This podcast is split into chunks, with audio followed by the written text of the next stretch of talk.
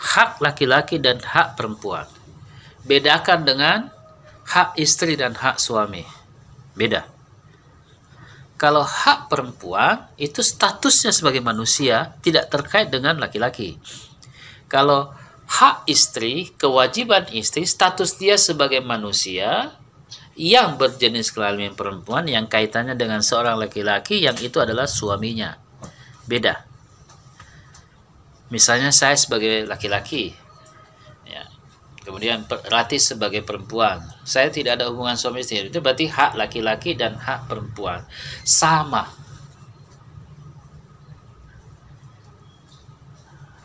Tapi kalau dikaitkan sebagai posisi suami kemudian mereka punya perbedaan-perbedaan. Jadi sisi hak laki-laki dan perempuan itu sama derajatnya karena sama-sama manusia kan? Masa mau dibedakan?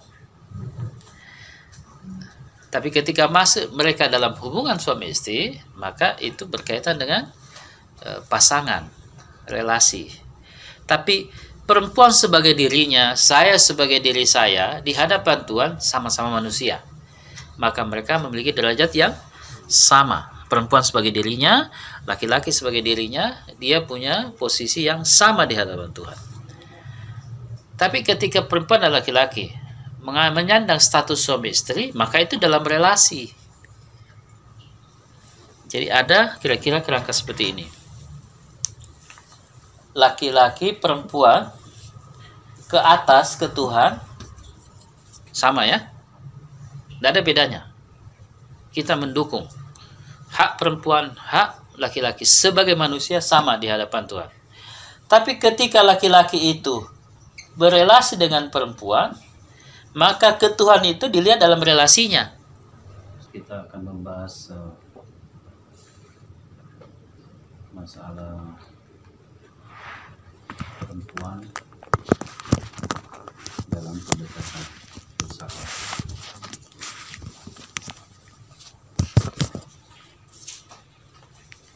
Kita sebut filsafat perempuan.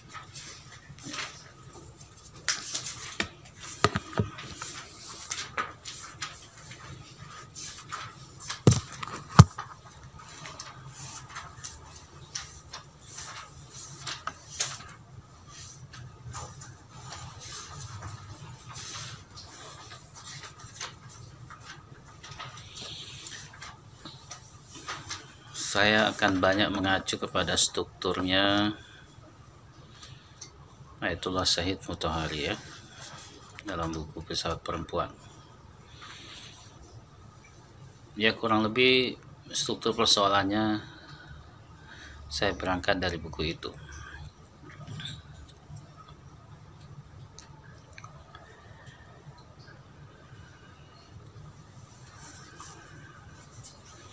Tentu perempuan didekati dengan kerangka filsafat beda dengan pendekatan kosmologi beda dengan pendekatan tasawuf ya.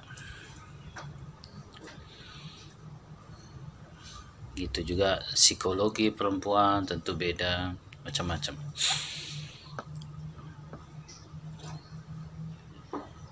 yang pasti kita berangkat dari permasalahan bahwa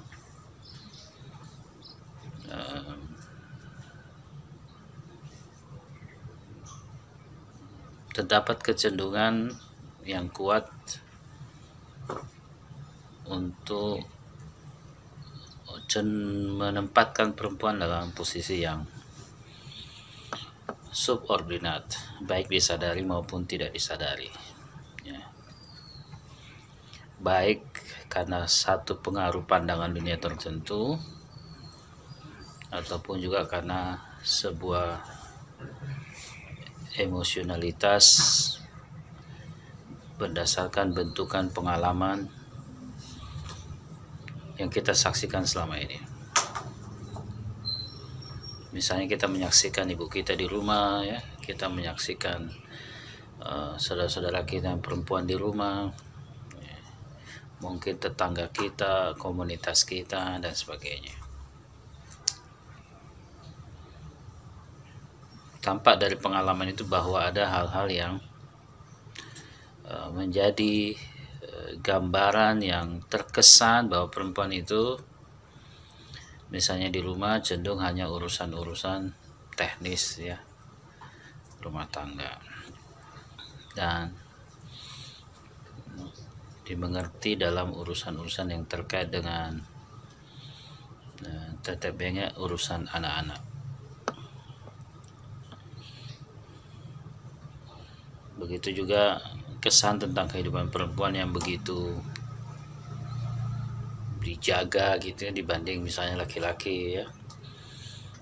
Laki-laki cenderung uh, tidak terlalu banyak dipermasalahkan kalau ada di luar sedangkan perempuan mungkin saja masih ada yang mempersoalkan kalau ada di dari segi pendidikan hmm, saya kira secara umum kita lihat perempuan dapat ruang yang baik ya. Tetap saja mereka bisa menempuh pendidikan yang tinggi tidak ada masalah. Dari segi uh, karir dari sisi pekerjaan perempuan juga cenderung sudah dapat. Tapi pada akhirnya semua juga kita lihat perempuan itu punya beban. Bebannya uh, yang kalau kita lihat cenderung lebih besar bebannya daripada laki-laki semua juga punya beban tapi ada beban yang double. Misalnya kalau kita lihat perempuan bekerja eh, tetap saja dia dibebani tugas-tugas di dalam rumah. Eh, begitu juga kalau dia eh, sekolah perempuan itu sekolah nanti bekerja kemudian juga dia punya anak tetap saja punya beban-beban seperti itu. Bahkan sekarang cenderung banyak perempuan yang menjadi tumpuan rumah tangga ya. Misalnya perempuan-perempuan yang jadi TKW kan. yang pergi bekerja ke luar negeri kan ya itu karena mungkin eh, kehidupan ekonomi kan persoalan ekonomi saya kira besar sekali kemungkinannya karena faktor itu sehingga kalau kita lihat yang pergi-pergi itu adalah orang-orang yang uh, di Indonesia ini tingkat ekonominya mungkin kita sebut uh, uh, di bawah rata-rata sehingga mereka perlu bekerja. Pertanyaannya suaminya ke mana? Ya ada tapi mungkin juga suaminya tidak dapatkan pekerjaan yang memadai untuk me menghidupi. Nah, pertanyaan kenapa bukan suaminya yang pergi TKW eh, ya, jadi tenaga kerja. Ya ada juga laki-laki yang pergi jadi TKI tapi memang yang banyak kita lihat secara permukaan saja TKW itu fenomenal sekali ya. Dari misalnya dari kota-kota seperti kalau di Jogja ini banyak dari Gunung Kidul kemudian di Jawa Timur Banyuwangi beberapa kota lagi. Jadi kalau di Bugis juga banyak ya di apa setiap daerah-daerah itu yang ke, biasanya sasarannya Malaysia atau mungkin Arab itu yang paling banyak ya. Kemudian belakangan ada Hong Kong. Belum lagi kasus-kasus yang muncul di sana kan? Kekerasan. Dan ada beberapa tahun yang lalu itu saya takjub juga ada TKW TKW tentunya pulang dari Arab Saudi itu banyak yang pulang hamil. Pertanyaan di mana bapaknya itu? Hamilnya di mana? Suaminya ada di Indonesia misalnya atau dia tidak menikah yang banyak kita dengar kasus kan di Arab Saudi, kasus di Malaysia. Kalau Hong Kong kita dengar sudah lebih maju mereka me menggunakan tenaga kerja mereka. Itu yang disebut bebannya berlapis-lapis. Dia tinggalkan keluarga perempuan itu, dia harus cari nafkah. Di sana dia mengalami tekanan lagi ya, sebagai seorang pekerja, ketemu majikan-majikan yang lale-lale yang kurang ajar ya dan sebagainya. Uh, tinggi juga angka perceraian itu kan? Angka perceraian dari TKW TKW itu. Uh, di luar itu di Indonesia juga angka perceraian tinggi. Ribuan setiap hari. Data sekitar tiga atau empat tahun yang lalu saya lupa itu bisa sehari 8000 kasus perceraian yang diputuskan. Putus. Dan paling banyak KDRT kan? Nah pertanyaan kita eh, berdasarkan hukum eh, kecenderungannya kenapa lebih banyak perempuan ya? Katanya laki-laki dan perempuan sama secara akal. Ya cocok kalau prinsipnya. Tapi banyak juga orang yang berakal eh, yang mengklaim dirinya berakal tapi melakukan kekerasan kan? Kekerasan. Kita lihat eh, berita selebritis terakhir itu kalau itu benar ya. Eh, poligaminya Kiwil ya. Istri kedua apa pertama itu? Mega. Mega siapa itu? Bikin pengakuan. Padahal Kiwil itu kan sudah jadi ustadz. Wah itu kekerasan dilakukan ya tidak ada juga jaminan kalau cuma ustadz. Ustadz itu apa? Ya. Yang cuma menyampaikan. Dari jaminan. Ya udah melakukan kekerasan kan? Kasar. Ya begitu juga yang lain-lain. Jadi ini bukan fenomena kiwil saja ya fenomena manusia. Kenapa? Dari data yang kita baca kenapa yang menjadi korban kekerasan itu lebih banyak perempuan kenapa kita tidak dengar eh, suami dipukul sama istrinya gitu. Coba kita lakukan penelitian, berapa besar datanya di mana seorang perempuan pukul suaminya, melakukan melakukan kekerasan terhadap suaminya. Ya umumnya kita lihat kayak perempuan yang di, ya, di atau mungkin ada berita seorang suami didapatkan di tengah jalan menangis-menangis karena habis mengalami kekerasan terhadap istrinya. Itu kan pertanyaan kita secara ilmiah kan ya datanya menunjukkan bahwa kasus kekerasan rumah tangga itu terbesar itu perempuan yang menjadi korban. Itu kan namanya data ilmiah. Itu kan berarti ada kecenderungan-kecenderungan yang eh, besar untuk melihat ke laki-laki itu seperti punya kekuasaan dalam relasi kuasa dia punya kekuasaan besar. Jadi perempuan dia mau apakan sak maunya, ya, sak maunya. Jadi cenderung seperti itu.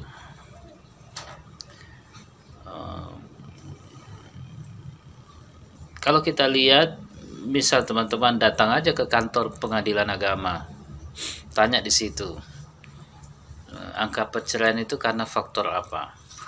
Ya. Ada faktor ekonomi ada kekerasan rumah tangga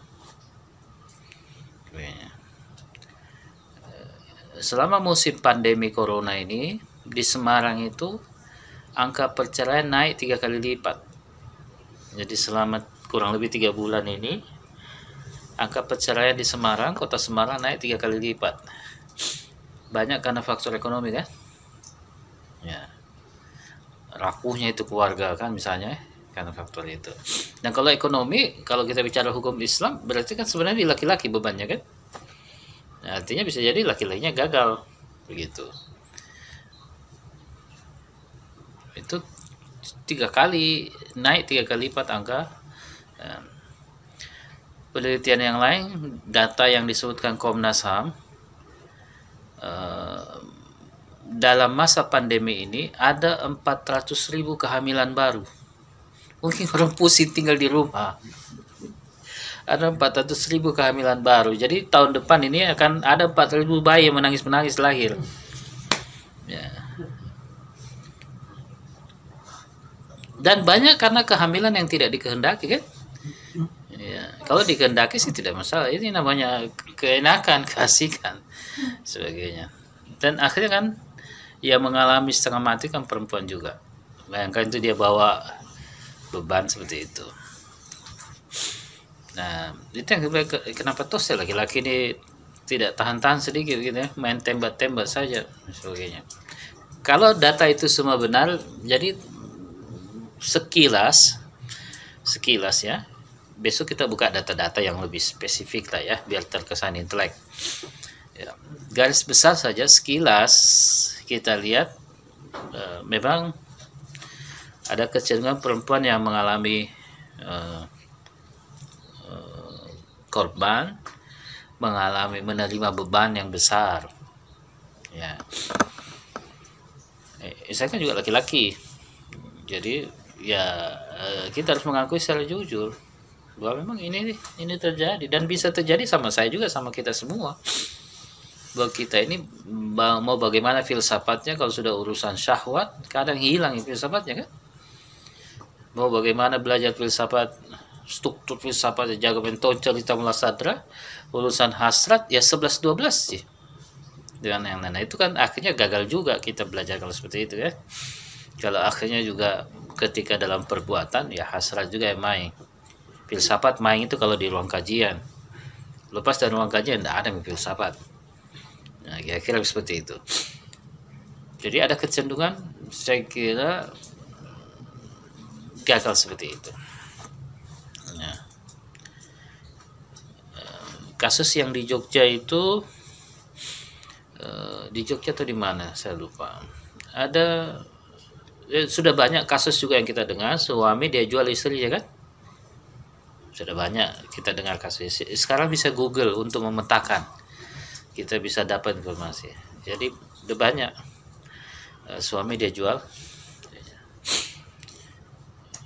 Di Jogja itu kasus yang eh, seks bareng-bareng pasangan suami istri. Bareng-bareng ya pokoknya wajahnya memprihatinkan menyedihkan. Eh, menggambarkan kepada kita memang ada kecenderungan memang kecenderungan ya saya selalu bilang kecenderungan. Jangan bilang lagi ah ini tidak identik. Ah, jangan bicara identik ini kecenderungan. Karena kita juga begitu kita mau bicara akal ya kita juga harus jujur dengan kecenderungan kita kan masa kita tidak mau mengakui kecenderungan kita? Ya misalnya tingkat filsafat kita sudah lima. Nah kecenderungan kita juga nyerempet lima. Kan ya? Oh naik filsafatnya sudah enam kemampuan filsafatnya. Eh, kecenderungan hasrat juga naik enam. Ya tentu kan setan dia kasih naik juga derajatnya. Kalau yang pembelajar filsafat tentu yang dikirim setan-setan yang alumni filsafat juga. Ya, tidak mungkin yang dikirim yang setan-setan yang model-model eh, cingkrang nggak mungkin. Pasti yang didata wah ini kelas filsafat ini dan dengan mental tidak bisa dikirim yang eh, tekstual harus setan yang filosofis. Ya datanglah setan dan macam-macam lah. Kan tidak mungkin dia dia kirim dia kirim orang-orang yang kan setan sudah bersumpah di hadapan Tuhan kan? Jadi kita juga harus perhatikan bagaimanapun rasionalitas kita problem eksploitasi itu hasrat. Dan akal kita ini datang bagaimana untuk bisa membimbing itu. Tujuannya itu bukan akal kalau sekedar berwacana tidak ada susahnya. Tidak ada susahnya. Penting bisa baca sehari 50 sampai 100 halaman belajar strukturnya ya. Kemudian menguasai satu minimal satu bahasa yang lain selain bahasa ibu cukup luas sudah bacaan kita. Setiap hari sudah bisa bikin tulisan. Tapi yang kita cari kan bagaimana pengetahuan itu mengendalikan kita mensucikan kita kan? Nah, ingat kasus kekerasan ini bukan hanya dilakukan oleh eh, laki-laki yang pendidikan rendah. Tapi pendidikan di di level atas bahkan para profesional jadi ini tidak mengenal tingkat pendidikan. Tidak mengenal. Kasus perselingkuhan bahkan mungkin kasus perselingkuhan orang-orang yang kelas menengah kan? Kalau orang-orang eh, tanda petik eh, kampung-kampung mau selingkuh di mana? Eh, nggak bisa sewa hotel. Ya. Paling nanti cari pos ronda. Berapa jika seperti itu? Tapi kalau mungkin orang-orang di di kota-kota besar seperti Jakarta, Makassar, kemudian Jogja, Medan ya, mungkin saja ada orang orang-orang yang punya uang itu ya keliling dari satu hotel ke hotel yang lain.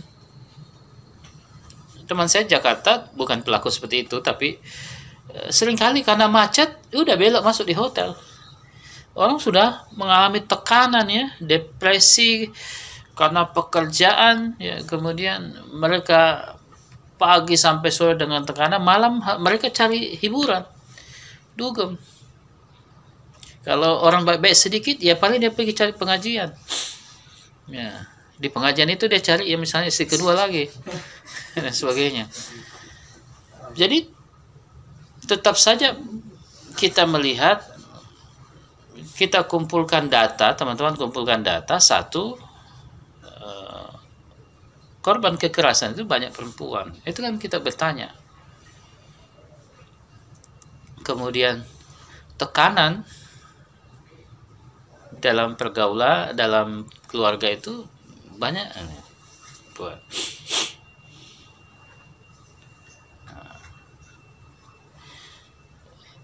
Kemudian eh, beban-beban sekalipun mereka misalnya bekerja eh, perempuan itu bekerja atau mungkin dia kuliah tetap saja di rumah itu bebannya sama dia. Ada kecenderungan begitu kan ya ya kita eh, kembali kepada teks agama kan tidak ada kewajibannya dalam rumah tangga itu tidak ada kewajiban perempuan yang masa, tidak ada kewajiban e, salah satu tidak ada kewajiban itu kerjasama, saling berperan. Tidak ada kewajiban, tapi kan sudah terlanjur terbentuk cara itu ya, karena kita lihat sehari-hari mungkin di rumah kita ya. E, kalau ada tamu, eh mana ada tamu bikin teh. Jadi ya sese, sese, meminta tolong sih tidak ada masalah. Tapi kalau itu dipandang sebagai kewajiban ya dan sebagainya. Begitu juga dapur eh, sumur dan sebagainya ya. Yang kita lihat kan itu. Bagaimana keadaannya sampai sekarang? Saya kira masih kecenderungan itu ya. Masih ya walaupun yang sudah lebih maju itu satu perempuan boleh e, dapat peluang yang besar untuk berpendidikan. Sudah lebih maju. Kemudian bekerja. Kan juga tidak dilarang perempuan bekerja. Tidak dilarang perempuan itu untuk punya pendidikan yang tinggi. Kan sudah lebih bagus ya. Tapi yang bermasalah adalah ketika mereka sudah berkeluarga ketika masuk di rumah bebannya di situ. Belum lagi masalah-masalah yang ditimbulkan oleh poligami Jadi kalau kita lihat petanya, kita dapatkan sebuah catatan umum saja. Mengapa yang cenderung menjadi korban itu perempuan? Ya kita sebagian besar laki-laki, bukan sebagian besar ya 99 persen, 99,9 persen di sini laki-laki yang ada di sini.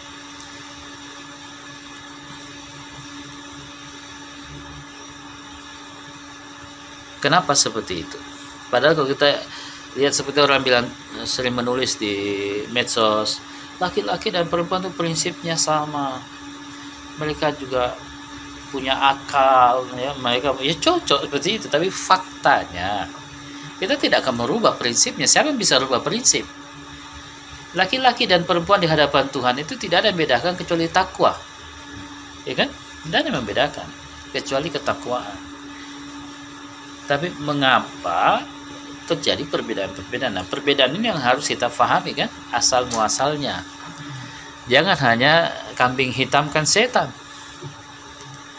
Kalau setan dikambing hitamkan, jangan dikambingkan dia lebih lebih lagi dari kambing.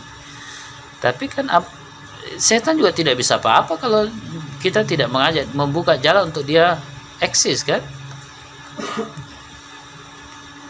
Kan itu. Ya kalau kita sekedar ah ini gara-gara godaan setan. Ya, pertanyaan kita gimana caranya supaya kita tidak tergoda? Mau diceramai? Kayaknya udah capek kita dengan ceramah. Udah capek orang diceramai.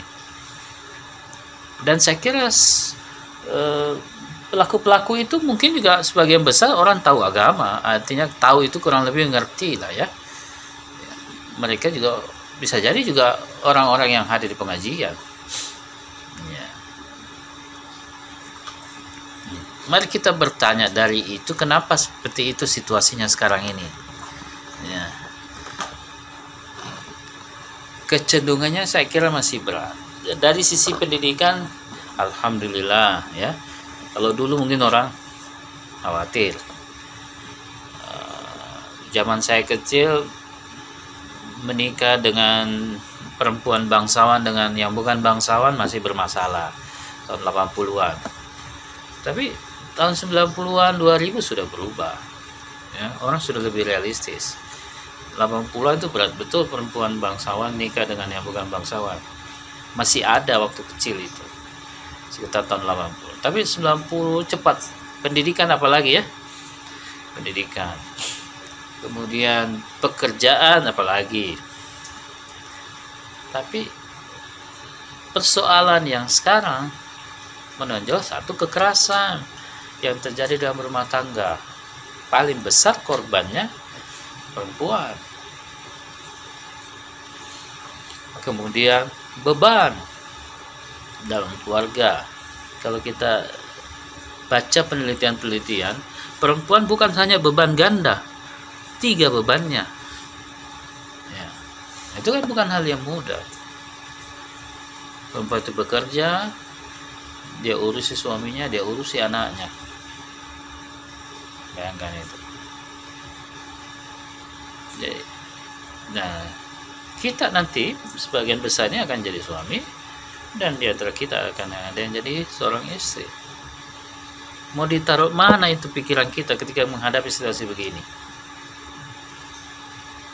kalau kita tidak sungguh-sungguh memahami secara filosofis sampai kepada sesuatu yang eksistensial sampai kepada satu yang hakiki yang tersingkap dalam jiwa kita bukan hanya tertata dalam pikiran-pikiran kita. Karena kita menghadapi yang paling besar itu adalah hasrat ego. Nah,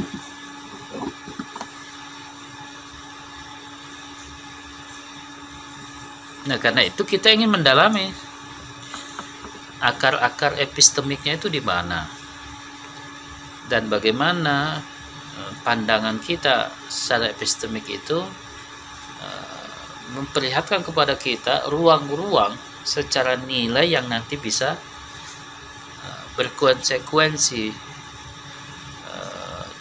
berkonsekuensi merusak jika ada sisi dari pandangan kita tentang mereka itu yang tidak tidak jelas dalam jiwa kita. Nah, kita kan harus memastikan. Kalau kita sudah pastikan bahwa harus yang baik ini begini, lantas ketika kita melakukan keburukan dan kita bisa tahu bahwa keburukan tidak berasal dari pemahaman kita tentang yang baik, maka keburukan kita tahu berasal dari mana. Ya pastilah dari syahwat kan? Bukan dari cinta. Setidak-tidaknya itu. Ya. Sekali lagi ini bisa dilakukan di semua level pemahaman, level pendidikan, status sosial sama. Sama. Nah, apa sih beban besar orang belakangan ini? beban besar orang belakang ini kan beban ekonomi ya. Saya kira ini yang paling mewarnai ya, beban ekonomi orang berkeluarga punya anak satu atau dua ya. apalagi kalau tidak punya rumah berapa kontrakannya? Susunya saja berapa? Ya. Kemudian biaya hidup sehari-hari. Ya mungkin saya kira pasangan suami istri dengan satu anak itu belum sekolah. Belum nanti kalau udah sekolah ya belum sekolah. Ya mungkin saya kira minimal kalau dia kos-kosan 700 eh, kemudian biaya hidup mungkin sekitar 2 juta. Itu sudah minimal sekali ya. Eh, Jogja ini pendapatan uh, upah minimumnya di sini sekitar 1,6 ya apa 1,8 tidak sampai 2 juta. Biaya hidupnya segitu jadi kalau diambil ke atas sedikit ya dia butuh dua setengah. Di Makassar upah minimumnya kalau nggak salah dua setengah apa tiga misalnya. Jakarta berapa? Ya. Jadi katakanlah orang butuh yang paling di Jogja saja orang butuh uh, ya 2 juta lah. Dia harus kos-kosan ya apalagi kalau keluarga mungkin tidak mau lagi yang terlalu kecil ya minimal kamar mandi dalam kan ya? Jadi kira-kira eh, satu jutaan lah ya misalnya biaya hidup. Ya, kira-kira dua setengah. Kira-kira dua setengah.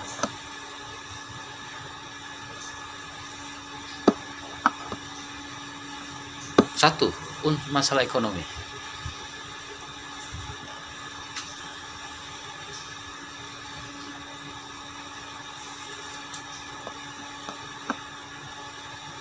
kita lihat itu menjadi di dalam perkawinan beban ekonomi beban nafkah itu ada pada laki-laki. Nah laki-laki punya penghasilan dua setengah itu kalau tidak ada cicilannya ya. Kalau sudah mak kredit bi. The kredit motor minimal 500 kan cicilan motor mungkin. Nah, itu dua setengah itu tidak ada kreditnya tidak ada tagihannya kalau sudah mau kredit motor sudah. Karena orang juga butuh motor buat jalan-jalan kan? Ya, buat bonceng-boncengan ke mana-mana ya, ya nggak mau mi romantis kalau naik sepeda ya. Nggak seru mi. Ya, naik motor ya. Kira-kira mungkin kalau mau cicil dengan motor ya tiga. Nah kalau itu diambil oleh laki-laki dengan penghasilan pas-pasan mungkin tidak cukup. Mereka butuh istrinya juga bekerja kan? Nah kalau bekerja mi anaknya perlu dititip. Penitipan anak Beda dengan pasangan suami istri yang hidup di kampung karena banyak saudara. Ini kan semua pergi ke kota. Kalau di kampung kita semua ya ada tante-tantenya ya. Keluarga biasanya orang kalau di kampung baku tetangga-tetangga sih kan. Bisa sampai berapa rumah baku tetangga gitu ya. Masih saling bantu. Tapi ke fenomena perkotaan kan tidak seperti itu lagi. Sehingga mereka nyekolahkan anaknya di, PAUD.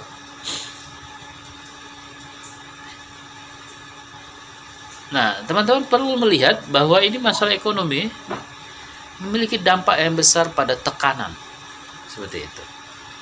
Sehingga mereka harus jangan bekerja dua-duanya. Makanya saya selalu bilang sama Santi kalau kau menikah, memang ya cinta itu substansi, tapi kan ada hasrat lihat juga apa pekerjaannya. Ada Santi uh, mau di, uh, ada yang suka sama dia. Saya bilang tidak apa-apa kau suka sama dia. Tapi harus menton cari yang ada pekerjaannya. Jangan yang tidak ada pekerjaannya. Ini realistis. Ya kau menikah nanti butuh uang. Ya. Karena itu ya lagi-lagi cari kerja. Pastikan dulu. Jangan juga ada pekerjaan dulu baru datang dengan sarjana. Mau diapain yang memang harus ada. Karena itu bisa menjadi sumber konflik kan? Bisa menjadi sumber permasalahan yang besar. Hanya masalah-masalah uang. Tidak apa-apa deh kita hidup. Yang penting kita saling mencintai. Ya, kalau cinta kita mau pergi pakai bensin bensin cinta kan tidak bisa jadi bensin. Ya terus mau merokok apalagi kalau perokok. Nah istrinya yang diambil uangnya eh, beli rokok dulu. Ya, dan sebagainya. Kita harus lihat simpul pertama biasanya yang paling umum adalah masalah ekonomi ya. Nah kalau ekonomi mapan muncul masalah berikutnya. Mau cari istri kedua. Ya kan? Nah, mapan tuh. Muncul juga biasanya masalah seperti karena mapan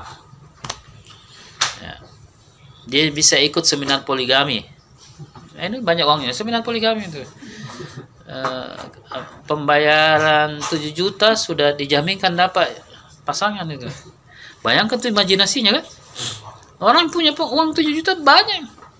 Punya uang. Orang di Jakarta itu orang punya mobil dua mobil tiga ya sebagainya. Biaya tolnya saja berapa orang di Jakarta biaya tol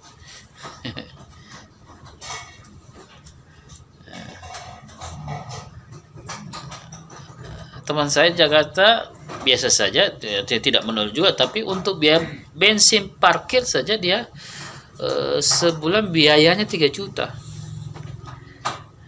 Eh, bayangkan biaya tol. Ya, kurang lebih 3 juta sebulan. Dia bawa mobil sendiri kan? Nah. jadi biasanya yang e, secara ekonomi minimal sumber konflik mapan juga eh, muncul imajinasi baru kah? Eh, cari istri kedua. Atau menciptakan gaya hidup baru. Apa? Mat cicil. Status kan? Nah ini tidak dilihat ini datang nanti orang tua masa eh, begini mah kontrak ya, beli ya. Nah, baik, ada mobil. Ya orang kelihatan bagus rumahnya, bukan berarti tidak sakit kepala. Bisa saja banyak cicilan. Kalau orang-orang dulu cenderung lebih bersahaja kan. Kalau sekarang orang dituntut dengan situasi seperti ini, status. Nah itu juga masalah e, gaya hidup. Jadi ekonomi yang fundamental secara material, mapan juga akhirnya ada kecenderungan untuk begitu eh, cari istilah lagi. Kemudian juga gaya hidup. Gaya hidup itu juga mempengaruhi. Punya anak satu-satu anak mau punya HP nah kalau satu-satu punya HP biaya pulsanya misalnya saya dua tiga anak pakai HP biaya pulsanya minimal ya satu paket berapa? 60 ribu 50 ribu kan? Satu bulan ya. Belum lagi uang jajannya Orang seperti Reza sudah juga tahu, Pak, uang Pak, mau apa? Teh pucuk. Berarti setiap hari kurang lebih 4 ribu harus siap. Berapa? 3 ribu, 4 ribu teh pucuk. 4 ribu dikali 10, 4, 40 ribu kali 3, 120. Ya kurang lebih untuk Reza saja 150 ribu. Itu yang standar-standar. Belum kalau lompat-lompat mainan, pedang-pedang, geser sedikit sudah sekitar 200. Itu angkanya. Jadi perlu juga rasional, matematis Jangan sampai berfilsafat tidak kehilangan matematikanya. Karena matematika juga bang ada juga neraca dihitung-hitung. Kalau tidak di, dihitung, tidak ada satu perkiraan keuangan, nanti kita tidak rasional.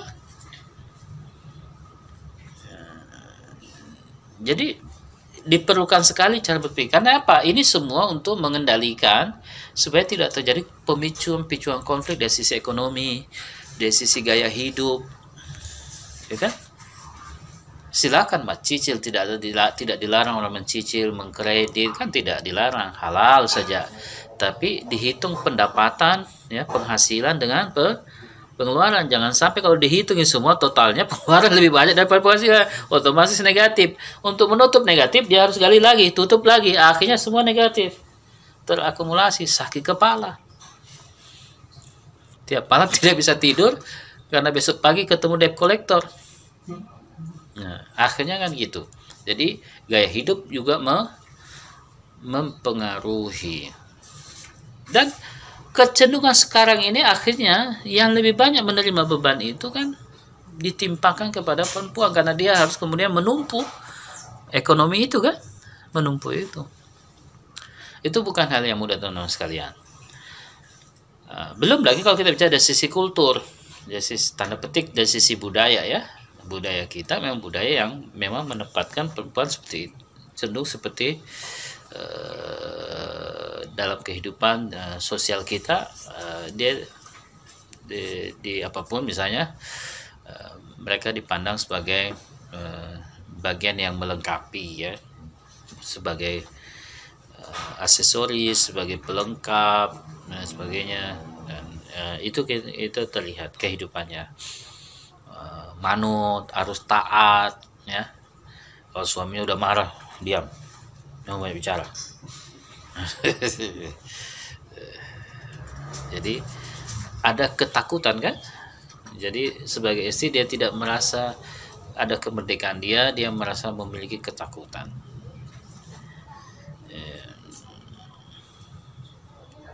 Karena itu suami kalau uh, mau pergi tidak dicium tangannya, eh kenapa tidak cium tangan begini? Merasa bangga tuh kalau dicium tangannya sama istrinya. ya, itu hal-hal yang secara kultur kan, ini seperti itu ya. Kalau kita lihat orang perempuan dibonceng suaminya, uh, terus uh, istrinya turun mas kantor dia cium dulu suaminya begini. Kenapa tidak dibalik? Kenapa bukan suami yang cium tangannya? Ini ini namanya konstruksi. Salah apa tidak? Ya, tidak salah, silakan saja.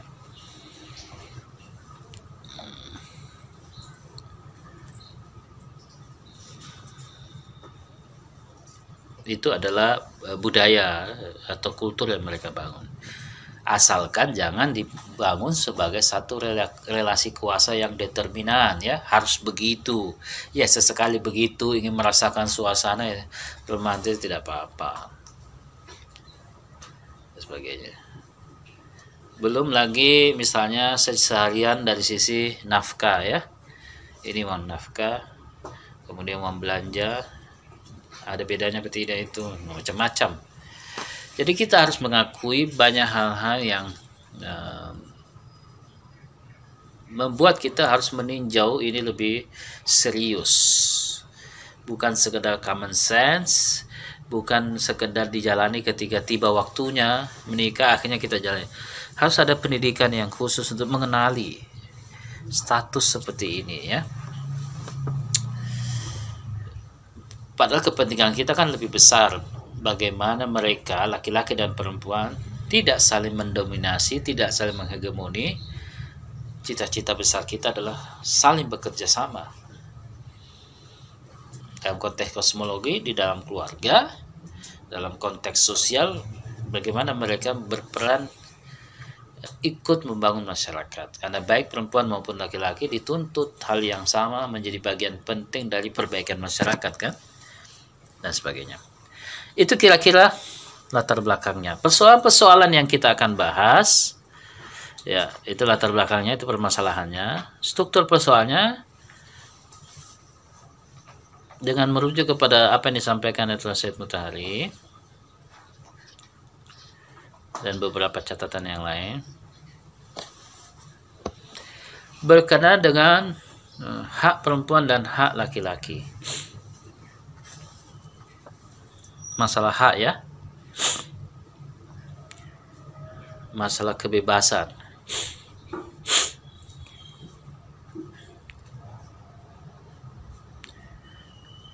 hak laki-laki dan hak perempuan bedakan dengan hak istri dan hak suami beda kalau hak perempuan itu statusnya sebagai manusia tidak terkait dengan laki-laki kalau hak istri, kewajiban istri, status dia sebagai manusia yang berjenis kelamin perempuan yang kaitannya dengan seorang laki-laki yang itu adalah suaminya.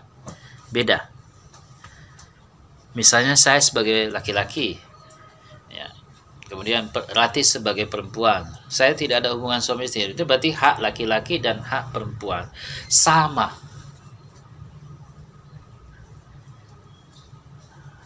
Tapi kalau dikaitkan sebagai posisi suami istri, kemudian mereka punya perbedaan-perbedaan. Jadi sisi hak laki-laki dan perempuan itu sama derajatnya karena sama-sama manusia kan masa mau dibedakan tapi ketika masuk mereka dalam hubungan suami istri maka itu berkaitan dengan e, pasangan relasi tapi perempuan sebagai dirinya, saya sebagai diri saya, di hadapan Tuhan sama-sama manusia. Maka mereka memiliki derajat yang sama. Perempuan sebagai dirinya, laki-laki sebagai dirinya, dia punya posisi yang sama di hadapan Tuhan. Tapi ketika perempuan dan laki-laki menyandang status suami istri, maka itu dalam relasi. Jadi ada kira-kira kerangka seperti ini. Laki-laki perempuan ke atas ke Tuhan sama ya.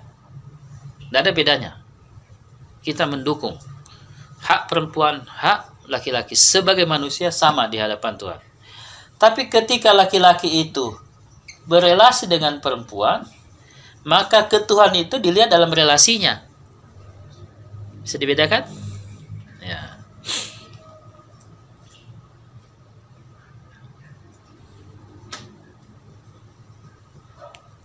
Karena dalam relasi memunculkan kewajiban kan? Dalam relasi sesama manusia tentunya ya. Dalam relasi ke Tuhan sudah tentu kewajiban itu langsung dari Tuhan. Tapi Tuhan beri kita hak yang sama. Maka tentu kewajiban yang diberikan Tuhan kepada manusia tidak dibedakan berdasarkan jenis kelamin. Tidak mungkin ya. Tapi ketika kewajiban Tuhan berikan kepada suami dan istri dibedakan berdasarkan jenis kelamin. Mereka harus selesaikan secara re relasi. Nah, ini yang kemudian kita bahas biasanya dalam kosmologi kan? Nah, dalam filsafat kita harus lihat seperti ini. Ke atas. Bisa dimengerti? Itu yang akan kita kaji. Yang kedua, perempuan sebagai manusia dan laki-laki sebagai manusia yang memiliki hak yang sama pada poin pertama, tapi mereka punya satu kondisi yang berbeda-beda. Misalnya secara fisik ya, tentu beda kan? secara fisik, secara anatomis, perempuan misalnya paling mudah dalam melahirkan, ada reproduksi, sedangkan laki-laki tidak punya uh, proses kehamilan dalam dirinya. Nah, itu berarti perempuan adalah manusia dengan satu kondisi dan laki-laki adalah manusia dengan satu kondisi yang lain. Jadi jangan disamakan kondisinya ya. Kondisi loh ini. Alam ya. Itu yang kedua.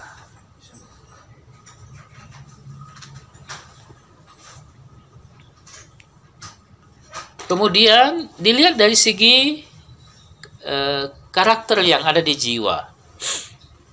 Nah, itu yang biasanya kita kaji dalam kosmologi kan, karakter-karakter itu.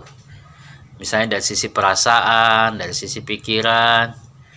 Tapi kita tidak pernah bilang karena perempuan cenderung kepada perasaannya berarti perempuan yang lebih rendah. Sejak kapan kita bilang perasaan lebih rendah?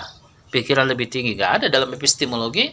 Kita mengakui keduanya itu adalah epistemik kan ya maka tidak ada yang lebih tinggi tidak ada yang lebih rendah yang harus adalah melengkapi hunna libasul lakum wa antum libasul Nah, karakter-karakter jiwa yang berkaitan dengan sisi perasaan mungkin berdasarkan itu kita lihat berbeda-beda. Tapi jangan bilang bahwa kemudian ini lebih tinggi, laki-laki lebih tinggi karena cenderung pada pikirannya. Siapa yang bilang seperti itu? Bahkan dalam irfan nanti justru perasaan yang paling tinggi. hati yang paling tinggi nanti kan itu yang ketiga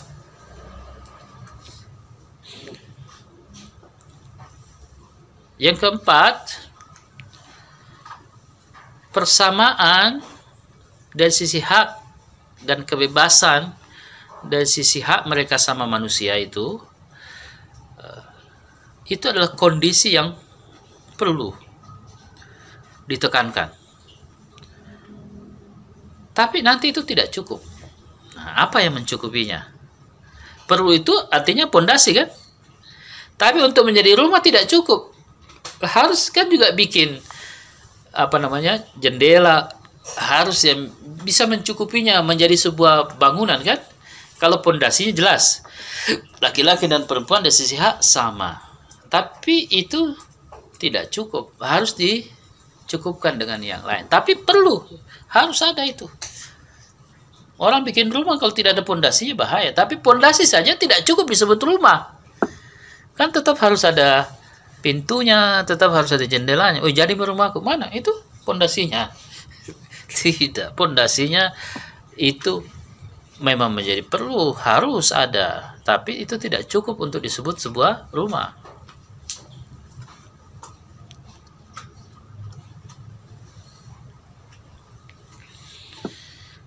Yang kelima, dari sisi kesederajatan itu kita pandang secara material ataupun spiritual itu hal yang harus kita bangun.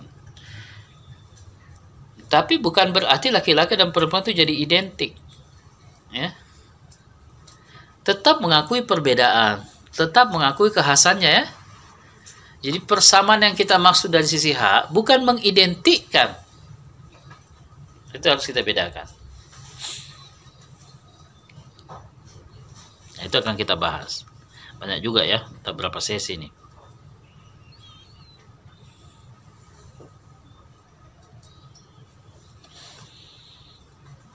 Yang kelima,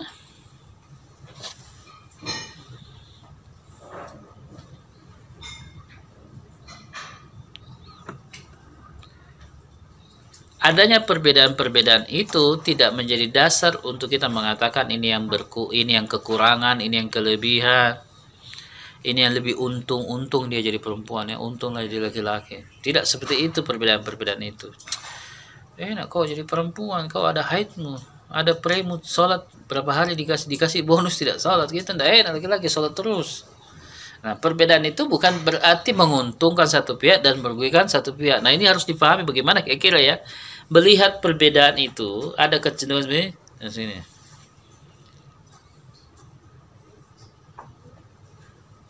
Kok enak jadi perempuan? Dinafkahi suaminya. Perempuannya bilang iya kalau suaminya mau kasih nafkahi. Kalau tidak. Akhirnya orang bertaruh dalam usaha begitu-begitu. Ya, jadi perbedaan-perbedaan itu bukan dilihat sebagai menguntungkan satu pihak dan merugikan pihak yang lain. Nah bagaimana kita melihat perbedaan perlakuan itu secara syariat misalnya bagaimana kita menangkap perbedaan-perbedaan dilihat dari kalau sisi rancangan alam kalau seperti itu berarti alam dirancang sejak awal diskriminatif kan? Ya. Itu lima hal pokok yang akan kita bahas sebagai uh, pengantar dalam kajian kita.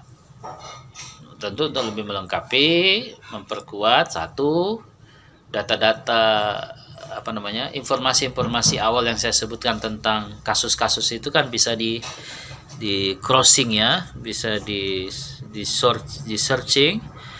Teman-teman berselancar untuk mencari informasi lebih lengkap untuk menunjukkan kepada kita apakah memang kita lihat fenomenanya seperti itu di mana perempuan cenderung menjadi korban cenderung menjadi objek eksploitasi perempuan cenderung menerima beban yang bertubi-tubi.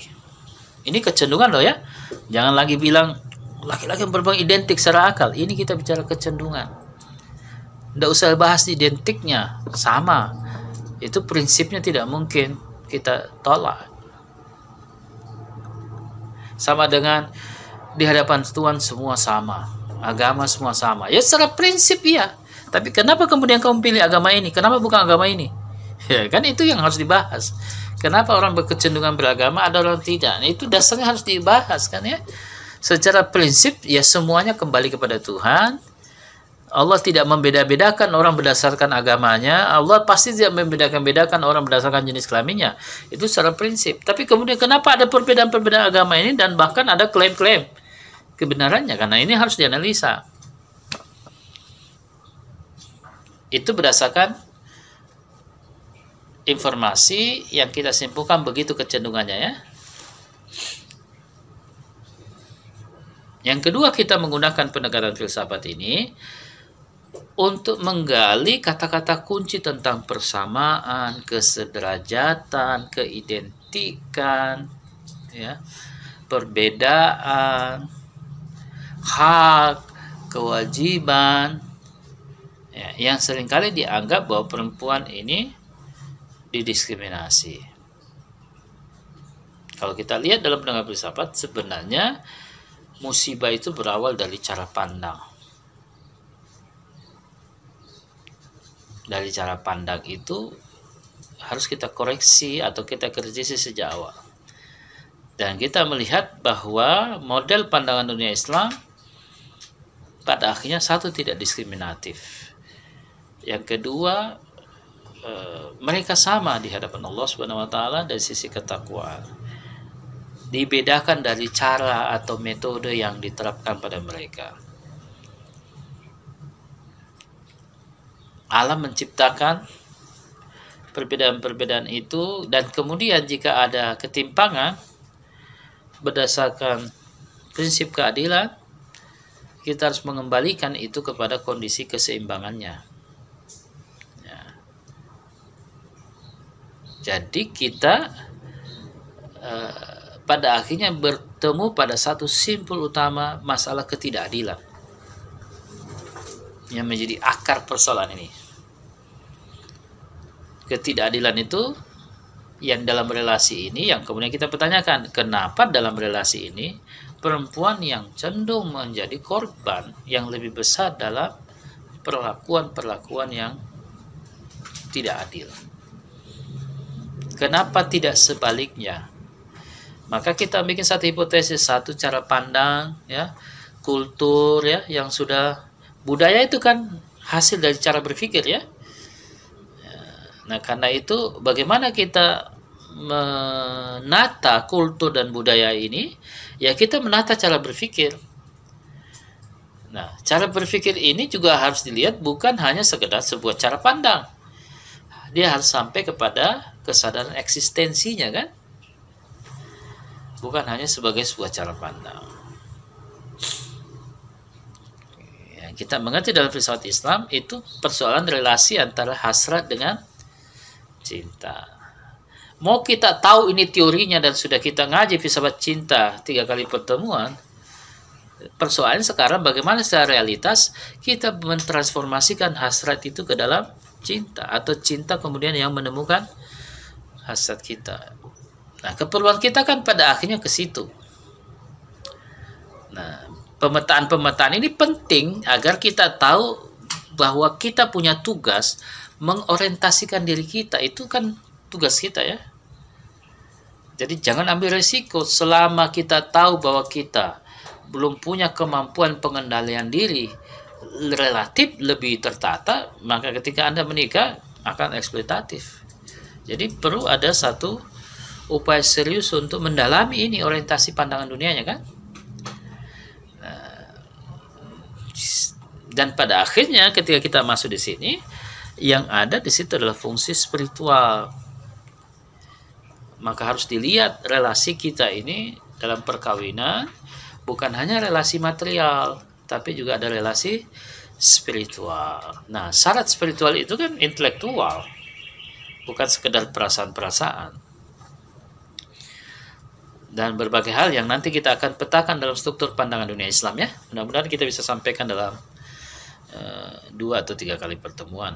Yang jelas minggu ini kita selesaikan untuk filsafat uh, perempuan. Walaupun mengganggu lagi karena Rocky bikin ulah lagi, ada lagi uh, ulah-ulahnya secara epistemik ya. Panas juga, tapi ya kita harus tertata berdasarkan struktur yang kita membangun tentang filsafat perempuan ya sebagai kelanjutan bagaimana kita menerjemahkan filsafat cinta itu dalam relasi. Karena itu yang lebih real ya. Ya kalau kita bagaimana kita cinta kepada Allah ya itu itu jelas. Tapi itu kan dalam satu proses individu tapi dalam proses relasional ketika kita lihat hasrat kan ya itu yang sering kali menjadi pemicu dari pes, awal dari semua persoalan-persoalan yang yang besar karena kita pasti memiliki tantangan di situ berdasarkan hukum-hukum e, kecenderungan. Begitu kita akan e, petakan lima pokok yang tadi untuk menjawab dua hipotesis itu. Hipotesis pertama, e, analisis pertama, mengapa perempuan cenderung menjadi korban eksploitasi kekerasan. Yang kedua, dari sisi orientasi pandangan dunia Islam atau orientasi pandangan dunia seperti apa yang kira-kira mampu secara optimistik menjaga kita? Dan kita akan lihat hipotesisnya. Jawabannya adalah spiritualitas. Tapi ingat spiritualitas bukan main-main sekedar perasaan spiritual. Bukan perasaan. Ya, perasaan dekat dengan Alhamdulillah saya merasa dekat dengan Tuhan eh perasaan muji itu Apakah yang dimaksud itu kedekatan secara epistemik? Bukan sekedar kedekatan perasaan, tapi hubungan antara pikiran dan perasaan. Jadi kalau kita merasa dekat dengan Tuhan, kedekatan itu harus dilihat dalam relasi pikiran dan perasaan. Ada sisi subjektif, ada sisi objektif. Jadi kalau kita ingin menaikkan tingkat subjektivitas perasaan kita, itu harus ditumpuk dengan tingkat objektivitas pikiran kita. Kalau tidak bahaya. Kecuali kita pastikan bahwa perasaan kita bisa terjaga. Nah, kaulah segalanya, tidak ada yang lain. Yaitu saat itu. Apakah ada jaminan dia bisa jaga tahun pertama, tahun kedua? Ada seorang istri telepon kepada saya pengantin baru waktu itu. Ustaz Masya Allah suami saya rajin sekali dia cuci dia bikinkan saya dia dalam hati saya lihat nanti setelah tiga bulan enam bulan. Biasa gombal-gombal laki-laki itu pertama jika kelihatannya begitu. Kecenderungannya ya. Ya akhirnya enam bulan mulai muncul gitu. jadi eh, biasa sajalah ya jangan juga terlalu terpukau terkesima biasa pertemuan pertama begitu memukau biasa saja ya. Yang dilihat tuh kedalamannya transendensinya. Dan itu tidak bisa ringkas. Kalau ada orang kita sudah kita duduk diskusi di sini 12 eh, jam. Kasih keluar itu epistemikmu kalau mau clear. Jangan sudah pernyataan-pernyataan saja begitu kan misalnya gitu. Nah kehidupan itu begitu. Maka kan selalu mengira saya juga suka heran kenapa orang gampang sekali jatuh cinta ya? Saya suka berapa lama kita kenal kak? Jadi proses perkenalan itu kan orientasi namanya kan ya? Nah orientasi. Harus ada struktur orientasinya. Makanya waktu saya di Unhas itu orientasi katanya. Orang dipukul-pukul saya tidak mau spek. Kata senior saya nanti kau tidak lulus di lab di lab. Tidak apa-apa minta lulus. Saya tidak suka kekerasan seperti itu. Bagaimana anak-anak Unhas mau bicara tentang uh, mahasiswa yang kritis kalau sudah melakukan kekerasan dalam kampus? Itu waktu saya di Unhas di ospek begitu. Saya lawan. Dia saya tidak lulus dia apa-apa. Gimana saya membiarkan kekerasan? Saya baru lulus SMA itu. Karena saya SMA sudah ngaji filsafat. Ya, itu bahayanya kalau kena filsafat. Kan kurang ajar itu. Teriak-teriak kampus kritis. Tapi melakukan kekerasan. Lamai. Saya tidak bilang diri saya saya baik, tapi apa ini? Saya pernah melakukan itu, ospek-ospek begini. Harus dilawan itu. Jangan bicara mahasiswa yang kritis kalau ada kekerasan seperti itu. Gimana kita membangun kalau hal yang eksploitasi itu kita udah bangun? Cerita kosong. Nah, artinya apa? Disiplin moral itu memang kita harus mulai dari diri kita kan? Jangan bilang bicara tentang komunitas moral, komunitas. It's okay. Tentu pada akhirnya kita ke situ, tapi kita harus bangun itu karena itu modelnya kan dirimu, keluargamu dan masyarakat. Ada dulu yang pernah ngaji di sini Santi datang. Sudah lama datang. Ustaz, ayo kita bikin gerakan sosial. Saya bilang sudah mau kamu nikah belum. Ah ini kamu kau dulu. Hebat toh mau bikin gerakan sosial. Ini kau buktikan kau bisa jadi suami yang baik dulu. Perlihatkan ya. Jangan sampai kau bikin transformasi sosial di dalam ada kekerasan ada berubah ayo cerita kosong. Ya karena di rumah itu jenuh orang bisa eksploitasi karena merasa punya kuasa kan? Kan orang ketika punya kekuasaan ya yang namanya uh, uh, uh, ya. Ketika orang punya kuasa ya semakin besar kuasanya maka potensi korupsinya besar kan? Nah kira-kira begitu. Maka kekuasaan yang dilakukan Pak Rocky itu bagus. Pak Rocky ingin mengatakan kekuasaannya harus dikritisi. Saya top itu. Kenapa? Ya karena bisa potensi korupsinya besar. Dalam bidang apa saja. Dan itu harus. Cuma kurangnya tidak paradigmatis ya itu saja yang harus kita lengkapi. Dari sisi kritismenya udah bagus. Kenapa di situ tidak paradigmatis? Ya karena tidak terlihat bagaimana kita membangun masyarakat secara sistematis. Kita hanya menghasilkan aktivis yang suka bikin kritik-kritik begitu. Oke okay. tapi apa yang kau lakukan? Kalau kau begitu pada kekuasaan, nah sekarang dalam relasi kuasa yang terbatas apa yang kau lakukan? Jangan sampai kita dikenal sebagai aktivis, tapi di rumahnya kan ada relasi kuasa juga. Apakah dia telah berhasil menata relasi kuasanya kan?